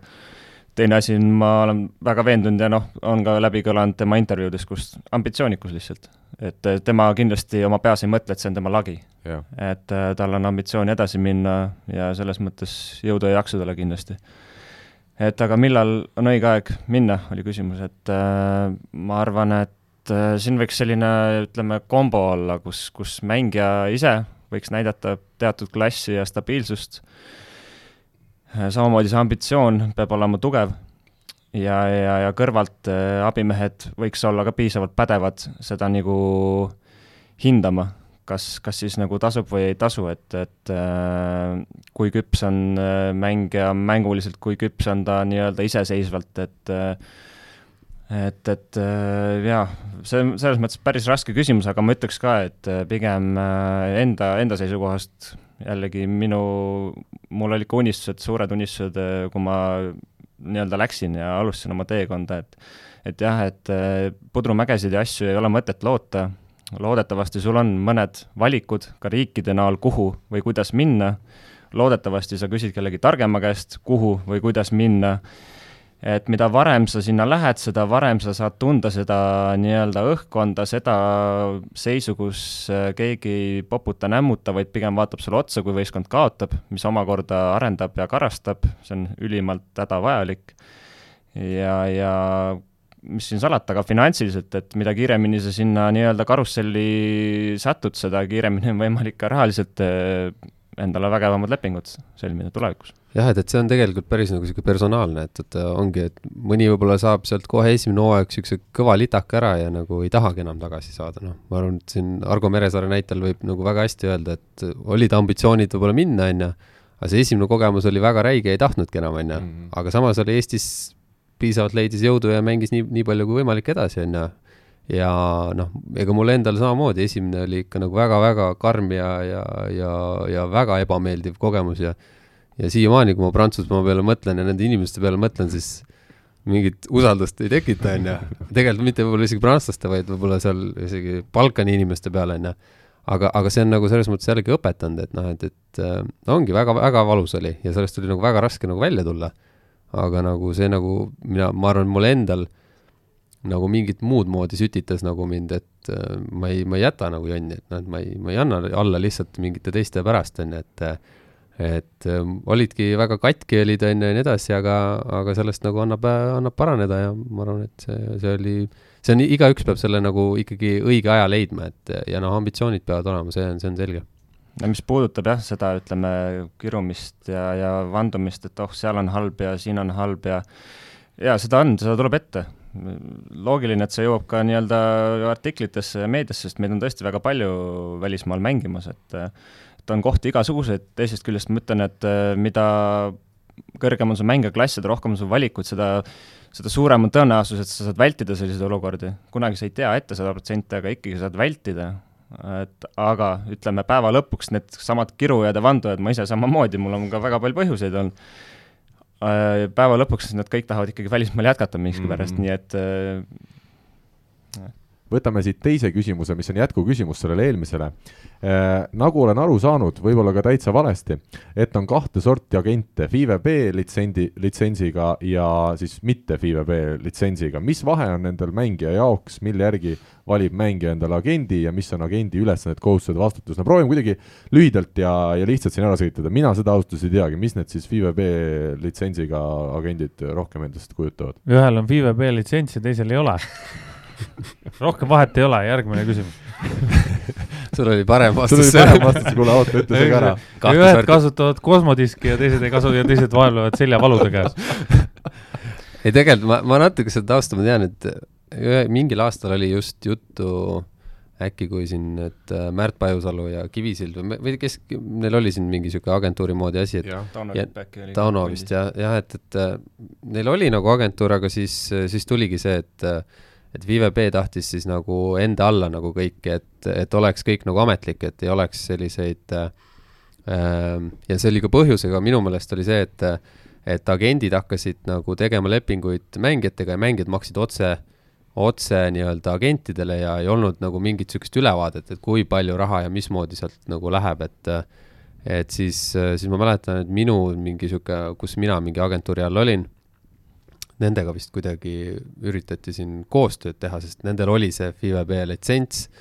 või õigemini nad kõik siis pidid tegema, aga seal oli ka mingid kriteeriumid, mille järgi sa selle siis said. ja neid väiksemaid vist ei võetud nagu kuidagi, kuidagi ligi, et seal taheti vist noh, mingeid usaldusväärsemaid asju, ma, ma ei, ma ei tea, kuidas see värk oli. aga, aga point oligi sellest, et, et pärast seda litsentside asja äh, minu teada enam ei tekkinud neid olukordi, kus mängija pidi maksma ise otse äh, agendile, vaid vaid oligi, et agent siis nõudis kohe otse raha klubilt ja, ja tekkis sellelt nagu mingi niisugune kindlam arusaam, et kuidas need rahad liiguvad ole hea, Rene, proovi nüüd lühidalt ja konkreetselt öelda, mis siis agendi ülesanded, kohustused, vastutus on. See on muidugi pikk teema, aga. see on järjekordne raamatu teema jah, et agendil tegelikult võib olla väga-väga suur osa sinu nii-öelda mängekarjääris, et äh, tihtipeale on agentuurid mitmeliikmelised, äh, tänapäeval väga popp ka koostööd teha, on väga-väga laiaks läinud jah, see teema, et jagatakse mängijaid ja nii edasi, et äh, aga, aga põhimõtteliselt siis jah, minu agentuur näiteks, itaallased töötavad nii, et üks on nii-öelda noortes, noorte nii-öelda värbaja, kes värbab noort talenti, samamoodi mina ju sõlmisin lepingu ja ka neid samamoodi samasse agentuuri peale juunioride MM-i, kus me käisime tookord Türgis. kaks tuhat kolmteist. jaa, sealt algas siis meie koostöö, et mis siis nagu noh, ilmselgelt, et agendi töö on mängijale klubi leida, eks. ja, ja kogu see nii-öelda bürokraatia pool, et lihtsas plaanis iseenesest on selline see töö, et äh, leiab sulle klubi, allkirjastad dokumendid järgmine kevad, oleneb lepingu pikkusest siis, et leiame uue klubi ja kõik on hästi, aga noh, tavaliselt ei ole kõik hästi, et et äh, tegelikult on ka, on agendi töö ilmselgelt äh, lahendada probleeme, kui keegi jääb sulle võlgu ja nii edasi, et äh, on, on kokkupuuteid väga palju mul ka seal valdkonnas juba, et et aga, aga üldiselt agendid võivad olla ka, ka avaldada ka väga negatiivset mõju sinu nii-öelda karjäärile väga tegelikult äh, oluline on, kelle, kelle all sa nii-öelda nagu töötad, et mm. et ütleme, kui sa oled selline keskpärane mängija, sa oled tippagentuuris, võib-olla sa olid kunagi suur talent, enam ei ole, neil on mingisugune huvi sinu nagu vastu selles mõttes kadunud, et päeva lõpuks nemad ajavad oma äri, neid huvitab kõige rohkem, palju nad sinu pealt teenivad seda protsenti, ehk siis protsendi alusel siis seda raha nii-öelda et äh, üks asi on see, mida nagu klubid arvavad ja treenerid arvavad, teine asi on see, et äh, igal agendil on väga suured listid, sõltuvalt positsioonist. ja, ja, ja nemad ise omakorda veel arvavad, et nad on eksperdid. ehk siis ütleme, suurtesse klubidesse ilmselgelt seda keskpärast mängijat üldse ei pakutagi mm. -hmm et sa võid olla küll seal nii-öelda vägevas kohas, aga ongi küsimus, et eh, kui esimesi mehi hakatakse sul pakkuma juba talvel tegelikult seal jaanuar-veebruar juba, siis millal sind pakutakse? võib juhtuda, et juunis-juulis, kui on juba enamus klubid on nagu kinni, on ju, sina seda kunagi ise, ise ei, muidugi ei tea. agent ise ütleb, et ta tegeleb kogu no, aeg? no loomulikult tegeleb jah, nii-öelda tegeleb, et ega eks need parajad fruktid on päeva lõpuks kõik ja ja, ja see jutt on ka selline diplomaatiline, et räägitakse väga palju seda, mida sa kuulda tahad mitte, mitte, mitte nagu reaalsetest asjadest, et et see jah, see ampluaa tegelikult on, tegelikult on jah, päris lai, mida, mida agent nagu mängija jaoks teeb. Iseenesest jah, niisugused head agendid või kui sa oled nagu heas nimekirjas, et noh, et siis nad ikkagi tegelevad sellega, et sul oleks korralik leping, et sul oleks need lepingu nii-öelda tingimused täidetud, et sul oleks vastav see, milline sul on, ma ei tea, kas sul on auto või korter ja nii edasi ja nii edasi, et noh, selliseid asju nad peavad nagu aitama nagu siis nii-öelda reaalsesse ellu nagu tuua ja, ja kui on rahaprobleemid, siis mitte nagu võiks see asi käia nagu niimoodi, et nemad hakkavad selle eest võitlema, on ju, et äh, ma tean, et siin siin sellega nagu asjadega on vahepeal probleeme, kus, kus osad need agentuurid, kus on hästi palju mängijaid ja niisuguseid kesktasemel mängijaid hästi palju, siis siis, äh, siis kuidagi leitakse, et ah, me ei viitsi sellega tegeleda ja, ja ja noh, võtame, saadame sinna teise klubisse kuhugile mingi teise mehe ja selle jätame rahule ja noh, selles mõttes, et jah, seal, seal on omad niisugused väiksed nüansid, aga, aga selliste asjadega nad iseenesest peaksid tegelema. nii, läheme edasi, kuidas võiks, Kaspar küsib, kuidas võiks ekspertide arvates mängu muuta, et mäng muutuks veelgi atraktiivsemaks, kas muuta mingeid reegleid, mängusüsteemi, inventari äh, ja kas seda oleks üldse vaja või ongi kõik juba hästi ja kui kohal on ka Rivo, Rivo, oled sa kohal? jah. siis sama jutt ka rannavõrkpalli kohta mm. -hmm. no kas on midagi muuta, ma ütlen äh, minu jaoks ei ole täna võrkpalli põhiturniiri mäng Eestis näiteks sama äh, atraktiivne ja huvitav nagu näiteks korvpalli oma, ma olen nõus, et siin on mingid isiklikud asjad sees, aga minu jaoks, kus ma korvpallis vaatan, näiteks Brandis Reili Ross viskas siin TLÜ Kalevi võidumängus karikasarjas nelikümmend kaks punkti, viskas seal kolmeseid, murdis läbi, tegi kõiki erinevaid asju, see oli minu jaoks palju huvitavam kui põhiturniiril see näiteks, et äh, diagonaalründaja Teppan toob jälle kakskümmend kaks punkti, et seal temporündaja Aru toob jälle kaheksa punkti ja varblane seitse punkti, et võrkpall on selles suhtes nagu ühekülgsem või ettearvatavam mäng, et seal on mängijatel erinevad rollid, mida nad täidavad ja okei okay,, seal esineb erinevusi, aga mitte nii palju, kus, kui korvpallis, kus üks mees viskabki ühes mängus nelikümmend punkti, teises mängus võib jääda kahe punkti peale, et et ma tunnistan, et oma olemuselt sa pead võrkpalli väga hästi aru saama ja teadma, mis seal platsil toimub, et osata hinnata ja nautida seda nii Mhm. siin kõik tahavad no mulle vastu vaielda kindlasti. äh, neid, mina, mina neid kahte mängu ei saa võrrelda, et äh, nad on täiesti erinevad, üks on kontaktsport, teine ei ole, on ju, ja kui sa ütled, et üks mees, üks mäng toob nelikümmend punkti, teine mäng toob kaks, siis ta on eba, väga ebastabiilne mängija, et minu arust on seda ka igav vaadata. aga, aga ma arvan, et äh, kui nüüd muuta, tahta midagi muuta, siis äh, kuidagi peaks jõudma sinnamaani noh, et see võib-olla see serv oleks natukene nõrgem või? Nõrgem või? midagi muud Eesti liigas või sa mõtled laiemalt? üldse, ma mõtlen nagu üldse võrkpallis. et seal otsustab serv liiga palju ära juba? noh, jah, ikka mõne, mõnes mõttes küll jah, et ega seal paljudes momentides mänguks nagu väga ei lähe. kurat ei oska öelda, võib-olla ei ole ka päris nii, aga aga mina, mina nagu mõtleksin selle servi po poole peale esimesena. et ralli, rallisid nagu rohkem. jah. noh, siis oli ju mingisugune mõte mingi aeg minu arust, et esimene rünnak võiks olla nagu tagantliinist ainult. no see nagu see on jälle, vot see on, see on see koht, mida ei saa teha, reaalselt sa ei saa viia sisse reeglitesse seda muudatust, sest Rahvaliiga kaoks ära. sa ei saa seda teha, et kui sa, kui ikkagi Rahvaliiga tahab ka mängida rahvusvaheliste reeglite järgi, on ju, et oleks kõik nagu päris,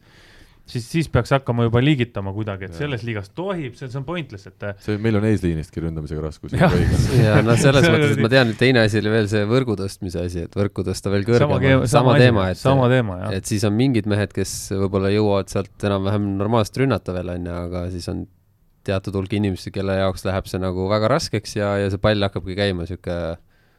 noh, sorry, aga noh, kui vaadata vanu mingeid kaadreid kuskilt, ma ei tea, kuuekümnendad, seitsmekümnendad, siis noh, või enne seda isegi, siis need ju käisid ka ju pall niimoodi, et üles kõht läks tühjaks, enne kui rünnak tuli. tõsteti olid nii kõrged et. noh, et see on, siis läheks see mäng läheks hoopis teiseks, on ju, ta ei oleks, noh, oleks küll nagu jõuline, aga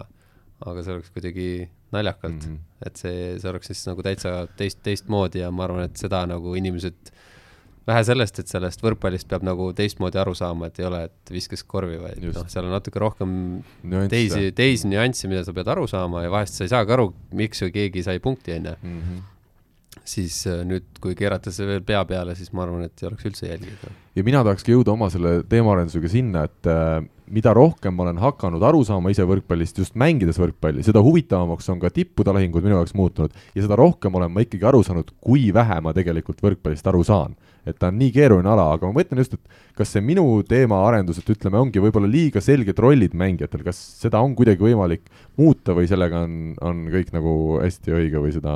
ei, ei saa midagi ümber, ümber teha no kui, kui teha jälle kõik asjad nagu universaalsemaks, nagu, nagu kunagi oli, siis äh, sellega ei, ma arvan, et ei võida eriti midagi, et Mm. mm. see jah, ma ei tea, see mänguilu, ma ei tea jah, vot ei, ei oska selle pilguga võib-olla isegi jälgida, et, et äh, kui mingitest nüanssidest võib-olla aru ei saa. et äh, aga noh, ma arvan, et see käib kõigi asjade kohta niimoodi, et võib-olla üks niisugune tore korvpallisõber ka võib-olla vaatab seda mängu sellise pilguga, et no nii tore, et keegi viskas äh, nii palju punkte, aga võib-olla seal kõrval mehed nagu kiruvad, et kurat, et see kaitse oli ikka täielik jama, ja onju. nii ongi, ja absoluutselt. Et, äh, päris lõpuni ei saa aru tegelikult, et mida sa vaatad, on ju, kas sa vaatad seda, palju keegi punkte viskab või sa vaatad, mis tegelikult väljaku peal toimub, et Mhm.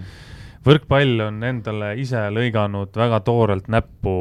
siin viimaste, ütleme kümne aastaga, kaheksa, kümne, jah, kaheksa aastaga, ütleme nii.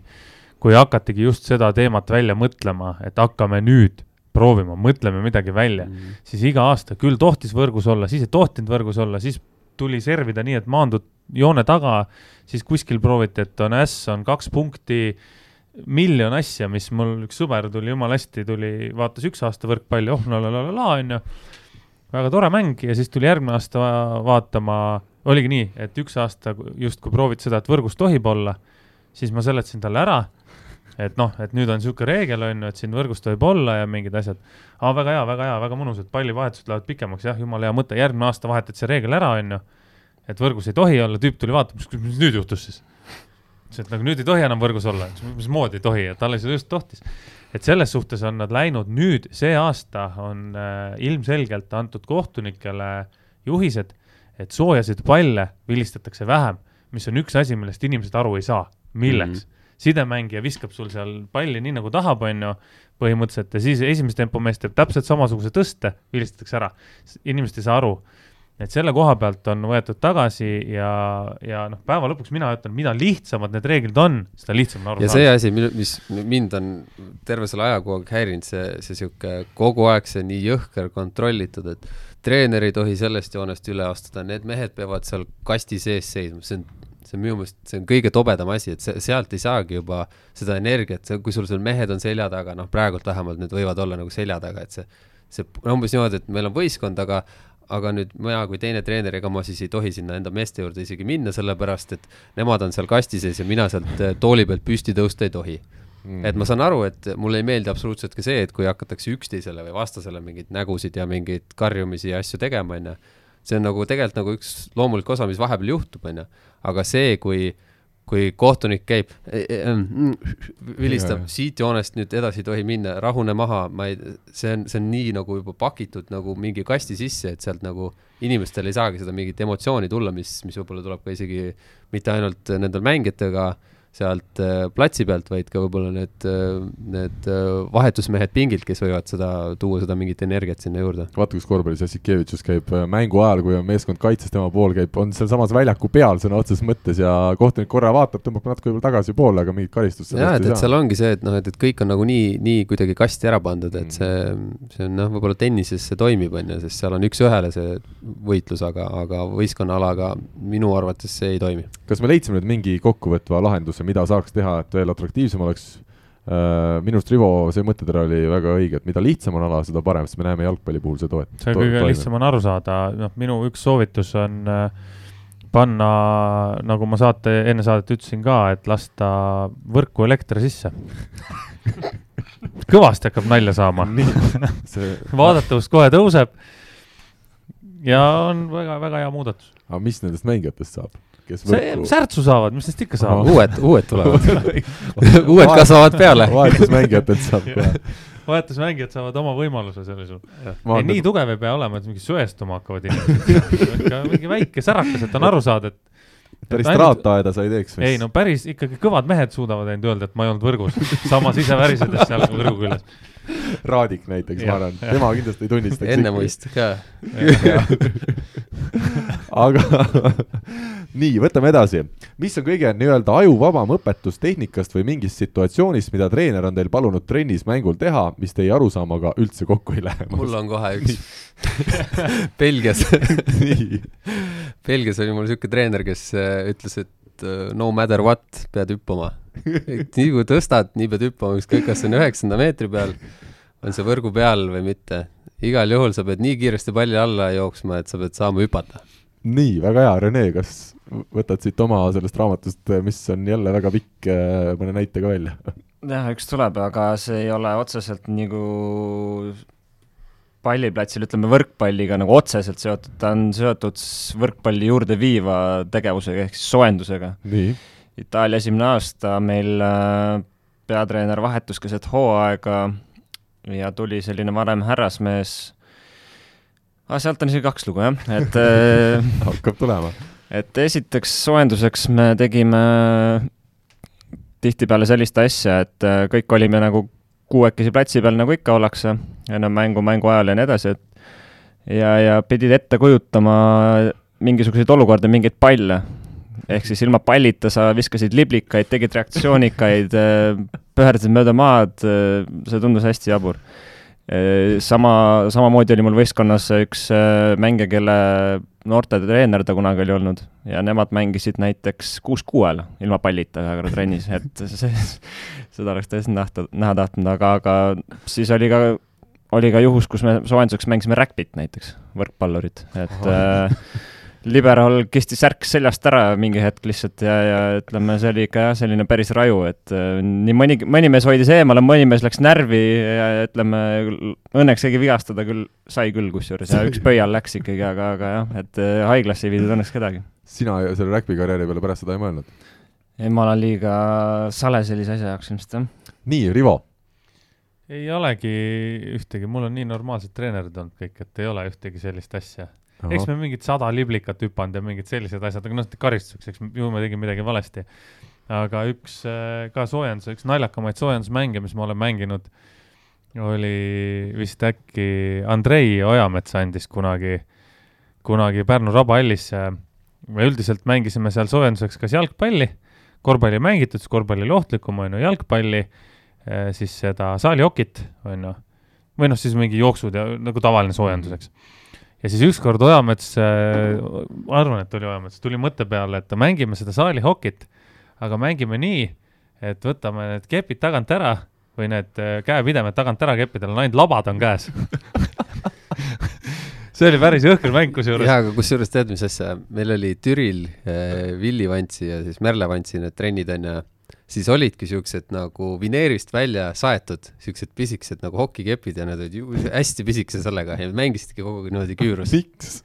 siis, aga siis ei olnud nagu neid saada, neid äh, Päris normaalseid sobi. kaikaid ka ja siis keegi lasi kuskil töö juures vist või välja ja siis jooksidki niimoodi, no okei okay,, me olime väiksed ka, me ei olnud kahemeetrised onju. meil olid nagu täis, seda ma tahtsin öelda, meil olid täiskasvanud suured mehed, mingi vene esimese tempo karu seal lasi ja siis mul oli selg jumala haige pärast neid mänge siis ma peale esimest seda, kui me mängisime, no ma ei saanud ikka üldse hakkama selleks, ma küsin Andrei käest, kas ma tohin järgmine kord lihtsalt joosta ringi, ma olen valmis jooksma ringi, kilomeetreid laskma, et ma, ma pigem jätan selle vahele. aga ega siukseid, selliseid ei ole, nagu siin Andres ütles, et nüüd sa pead ainult sellist asja tegema, et et ma tean, et enne seda hooaega, enne seda oli üks äh, Soome sidemängija seal ja siis ta tegi, talle ei meeldinud üldse väga palju hüpates tõsta ta oli nagu, nagu jah, ütleme niimoodi, kogu aeg tahtis hästi-hästi rahulikult võtta, siis, siis ta tegi meelega niimoodi, et trennis, et ta jooksis pallile alla, niisugused kõrged pallid, siis ta hüppas õhku, maandus juba maha ja siis tõstis, et ta hakkas nagu meelega nagu selles mõttes, et ju ketrama seda nagu vastu, et seal, seal see lõppes vist päris mingi suure tüliga, nagu ma aru sain nii, aga nüüd äh, meie saate lõpetuseks viimane küsimus. Äh, küsija palus oma nimeks panna Juku Juurikas ja küsimus kõikidele on siis selline, milline näeb välja Eesti klubivõrkpalli rahvusmeeskonna tase viie kuni kümne aasta pärast ja kas on juurde tulnud uusi meistriliiga klubisid? ja ütleb ka, et väga mõnus saade, jätkake samas vaimus Äh, üritame sama, samas vaimus jätkata, aga see küsimus on jälle selline väga, väga lai, millest võiks järjekordse raamatu Rene kirjutada. mis me ütleme siis, rahvusmeeskonna tase, mina olen kuidagi optimistlik, vaadates täna seda seltskonda, mis meil seal ütleme, vanuses viisteist kuni kakskümmend, kakskümmend üks, kaks on nagu ette tulemas, kas teie olete ka pigem optimistlikud või näete, et me kukume varsti auku? tahaks olla, auku ma ei arva, et ei kuku, aga, aga ma ei ma ei oska öelda, kas selliseid säravaid tähti nagu päris äh, on välja löönud, et äh, võib-olla mõnel võtab aega, aga, aga kuidagi nagu nii optimistlik ei ole. Kümme aastat on muidugi nii pikk aeg, et in... neid mehi ei teagi, kes võib-olla no aga minu argument on see, et kui me räägime rahvusmeeskonnast, näiteks viie aasta pärast on meil Teppanid, Tähed, Tammemaa, Taganitsad kõik veel alles. Ja, ja sinna on vaja üks-kaks meest juurde, ma arvan. et seal me ei vaja, ütleme, kümmet äh, head meest juurde. Seda küll ja, ja viie aasta pärast on ka, et need, kes võib-olla viie aasta pärast on, on täna kuueteistaastased, kes kahekümne üheselt võivad siin kütta küll, et äh, sama nagu Rene ennem ütles, et ega Rene, Rene esimest korda pingi ääre peal istus, ega me ka ei teadnud, kes ta on ja kui me istusime, siis enne meid mehed ei teadnud, kes me oleme, et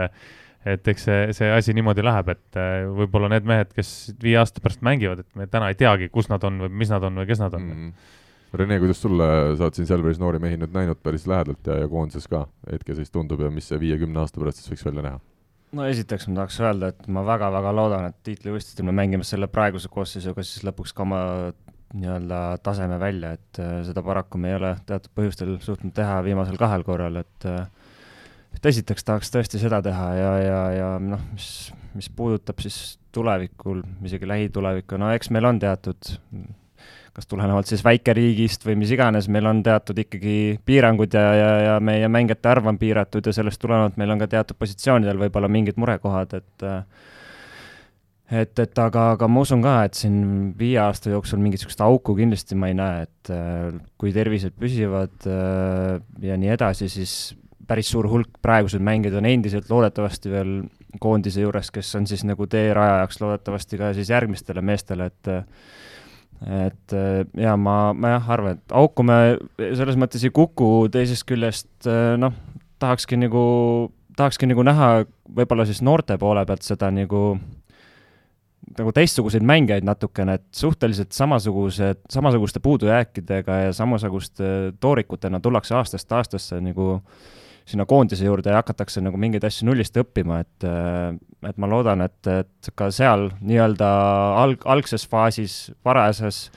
eas nagu pannakse natukene juurde, et see tegelikult on ju kõik üks suur püramiid ja, ja, ja kõik ju me tahame, et rahvuskoondis lõpuks äh, lõpuks esineks hästi igal pool ja, ja tooks riigile au ja uhkust, aga selle jaoks on nagu iga, igal tasemel vaja kõvasti tööd teha. ma ütlen kuulajatele vahel lihtsalt, et me ei räägi püramiidskeemist praegu, et ärge kartke, et see püramiid, mida Rene Te ei pea midagi ostma praegu. ei, mitte. aga võiks aga ikka, üks Tormeo madrats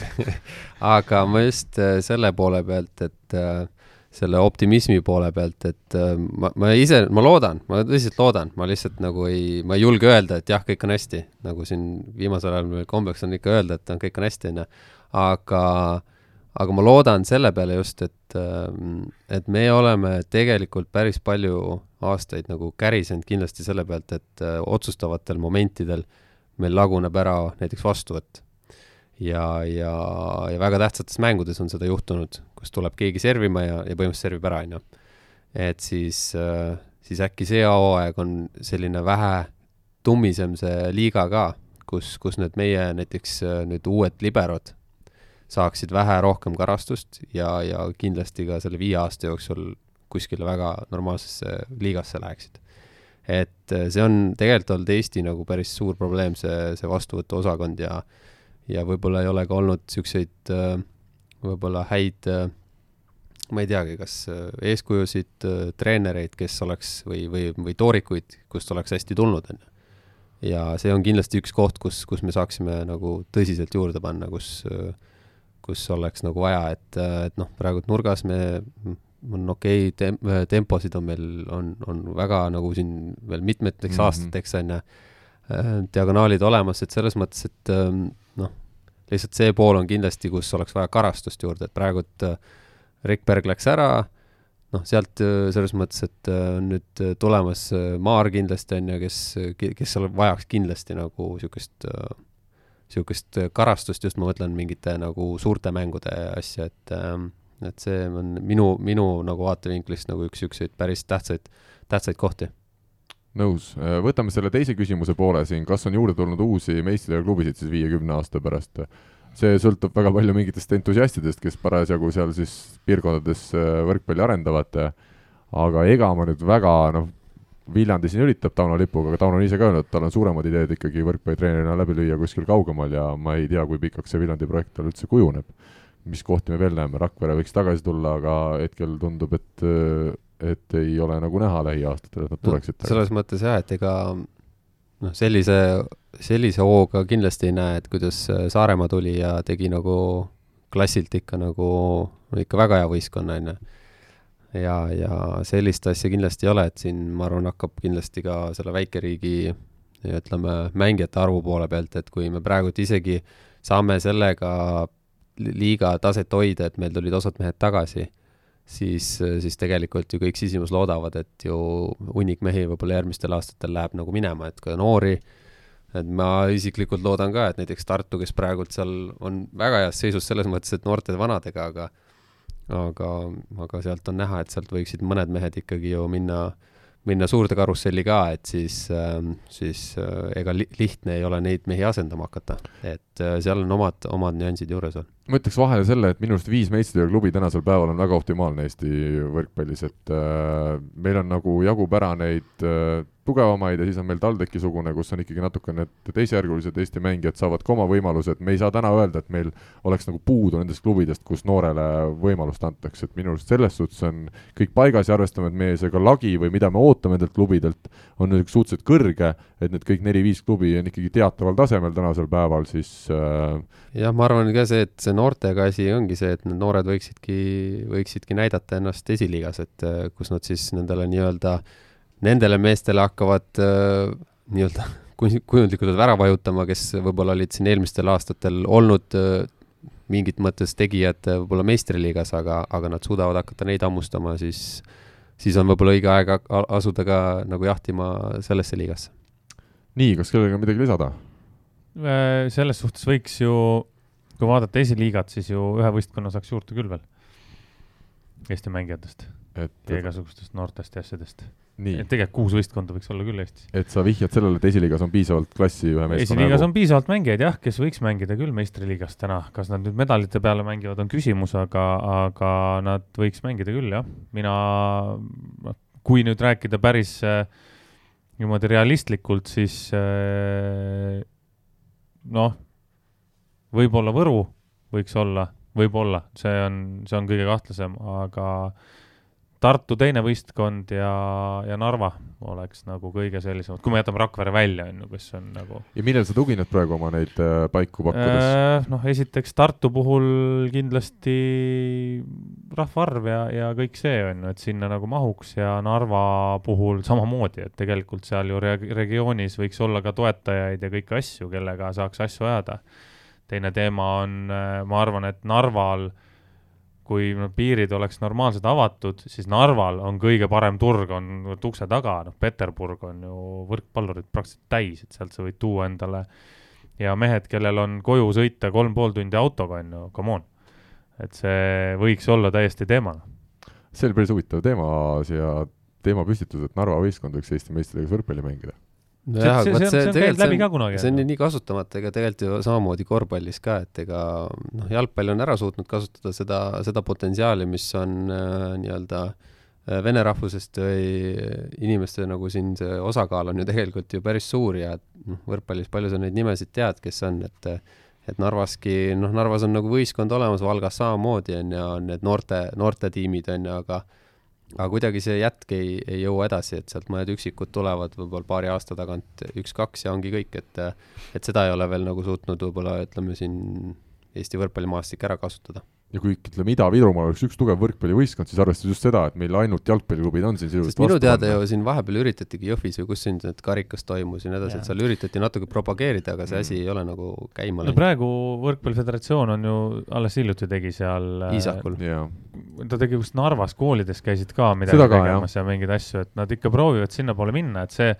see Ida-Virumaa asi oleks üks nagu äge teema tegelikult, mis, mida, mida, mida, ma arvan, aga seal tuleb, taandub jälle selleni, et seal tuleb üks mees, on ju, üks mees, kes ütleb, kuulge, ma nüüd mõtlesin, et davai, et teeme ära. ja kui see üks mees on olemas, kes hakkab vedama, kes tuleb sinna esiliigasse, noh, sama nagu teeb Tauno praegu Viljandis, on ju, loodame, et sealt Viljandist midagi tuleb ka ja et kui see üks mees on olemas, siis, siis äh, see on täiesti võimalik. et kuskilt ja see mees peab olema koha peal olema, Mhm. sest distantsilt seda teha on väga raske. lihtsalt ma selle koha pealt nagu võib-olla natuke vaidleks vastu, et, et, et neid mehi on küll taseme mõttes, aga neil peabki olema, nendel meestel peab olema fun, et et nad esiliigat mängivadki sellena, et neil on fun, aga kui see asi läheb nagu tõsiseks, et seal on vaja nagu tulemust teha, siis ma arvan, et väga paljud enam ei, ei taha või ei jaksa, et see, see, see on, see on töö kõrvalt teine töö ja, ja see läheb keeruliseks, et noh, praegult nagu, nagu siin Urmaski rääkis, et see ongi nendel niisugune hea punt kokku, kes tuleb, kes ei tule, nii edasi, et aga sellisel juhul see on sul kohustus. ja, ja sellisel juhul tihtipeale poole hooaja peale enam see ei ole enam nii fun ja see mm. nii-öelda hakkab käima ka nagu mängu kvaliteedi pihta. kui me mõtlemegi, palju on Ida-Virumaal elanikke ja noori mehi, naisi ka loomulikult, et kui meil jalgpalli lähevad sealt need noored, Ida-Virumaal on need klubid olemas, siis palju jääb tegelikult noori, ütleme, inimesi ilma meeskondade või, või siis sportliku väljundita, palju on kahemeetriseid, ma usun, Ida-Virumaal on väga palju kahemeetriseid mehi, kes lihtsalt kuna ei ole korralikku võrkpalli ja korralikku korvpalli, nad kuidagi lähevad teistele elualadele ja jäävad spordile jah, aga vaata, see on ka see, et võib-olla siis see, see ta, tavaliselt ikkagi minnakse trenni üldjuhul sellega, et kas sõber läheb või, või vanemad on mänginud või mida iganes mm, -hmm. aga, aga see pool ongi, et see, see, see asja käimaajamine on kõige, kõige suurem probleem, et see see, kui oleks seal juba mingid asjad ees, on ju, siis sealt tuleks juurde, aga seda ma räägin, on vaja ühte Jah. meest, kes võtab ja hakkab tegema. ja, ja see ei saa olla, vaata, ja see ei saa olla niimoodi, et see on mingi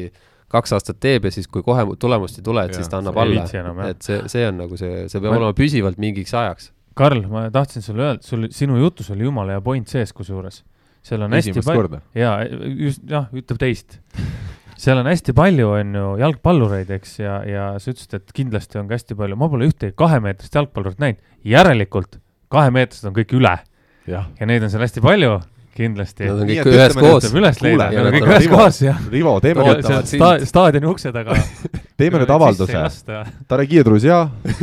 nüüd sa pead jätkama , et kes Все на meid kuulavad . волейбол , Da , все, которые говорит Таллин, все, которые играют, не играют в футбол в Нарве и Ида-Вирума, Vsie volleyball i Põstra .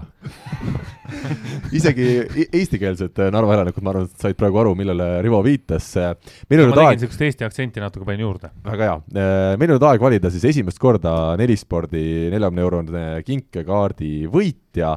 mis meil siis parim küsimus oli, päris palju oli küsimusi, alates siin Aare Albast, kes äh, küsis, kas äh, üles hüpates juba tead, kuhu lööd või mitte. meil oli siin agentide teema sees, meil oli see, et kus võiks nüüd viie aasta pärast olla meil meistriliigaklubi, millega me jõudsime siis sellise huvitava mõtteni, et Ida-Virumaal võiks olla. kas nüüd kellelgi on konkreetne lemmik äh, siit küsimustest välja koorunud, mina isegi võib-olla võtaksingi selle viimase äkki. Mina võtaksin näiteks selle välismaale mineku ja selle agentide teema ja nii, Rene ja Andres, mis ma äh, olen Rivoga nõus jah ja,, et see sa on- küll väga ei lasknud mul sellest agendi värgist rääkida, mul oli igast lugusid veel, aga okei okay. aga teeme nii, et me räägime järgmine edasi, sest mul on siin ka palju küsimusi veel, mida me seekord ei jõudnud esitada, aga sellest korrast siis läheb meil Reenele auhind nelikümmend eurot kinkekaarti Nelispordilt ja uuesti vastame me küsimustele siis kahe nädala pärast ja nii nagu ikka, info et võrkpalli24.ee ja Võrkpalli24 Facebooki lehe sõnumid on need kohad, kuhu saab neid äh, sõnumeid saata. Rivo, jälle on möödunud tund ja poolteist, isegi poolteist tundi ja, ja jälle me oleme kas ka ise targemaks saanud, jah, mina sain küll väga palju targemaks jah. iseennast kuulates ei, teisi seekord. Endaga ma räägin kodus. selge. jah, ei, me saime targemaks. Saarlased on pahased me peale. ei pea olema. Ei, aga kusjuures see ei olnud meie ärge olge ärge enam olge, te olete ei väga no me toredad. Me oleme ka teistes, teistes klubides siin Renksiga, et jah, ei, kõik on hästi ja saarlased teevad õiget asja ja aga sama, sama nat- hooga edasi, et nagu selle kohta öel- ütleb hästi meie sõber Jaanus Nõmsalule, et äh, suuri laevu saade-, sajab, saadabki ka-, kajakate kisa, nii et, nii et nad peaksid olema, see on see, see just see sihuke, ütleme siis. äh, Saaremaa klubi slogan võiks olla särgi peale kirjutatud suurelt, suuri Jah. laevu saadab ikka kajatida. ja üks asi, mis ma suure muidugi, praame peaks olema siis ma tahaksin äh, teha ühe paranduse ka sisse, et äh, Ragnar Kalde, Kalde on Hiiumaa mees, on ju? ei, Saaremaa. Saaremaa mees või Mhm. ah,? siis on ikka okei okay.. ma mõtlesin, et Rene siin lintšitakse ära. sellise toreda mõtteteraga järjekordne uus teadmine Rivole, lõpetame me tänase saate ja kohtume uuesti nädala pärast. tšau. nägemist. Eesti kõige põnevamad podcastid on Delfis, kuula tasku.delfi.ee ega edu pole jänes, mis seest ära jookseb, ärid on edukad Hammerheadi majades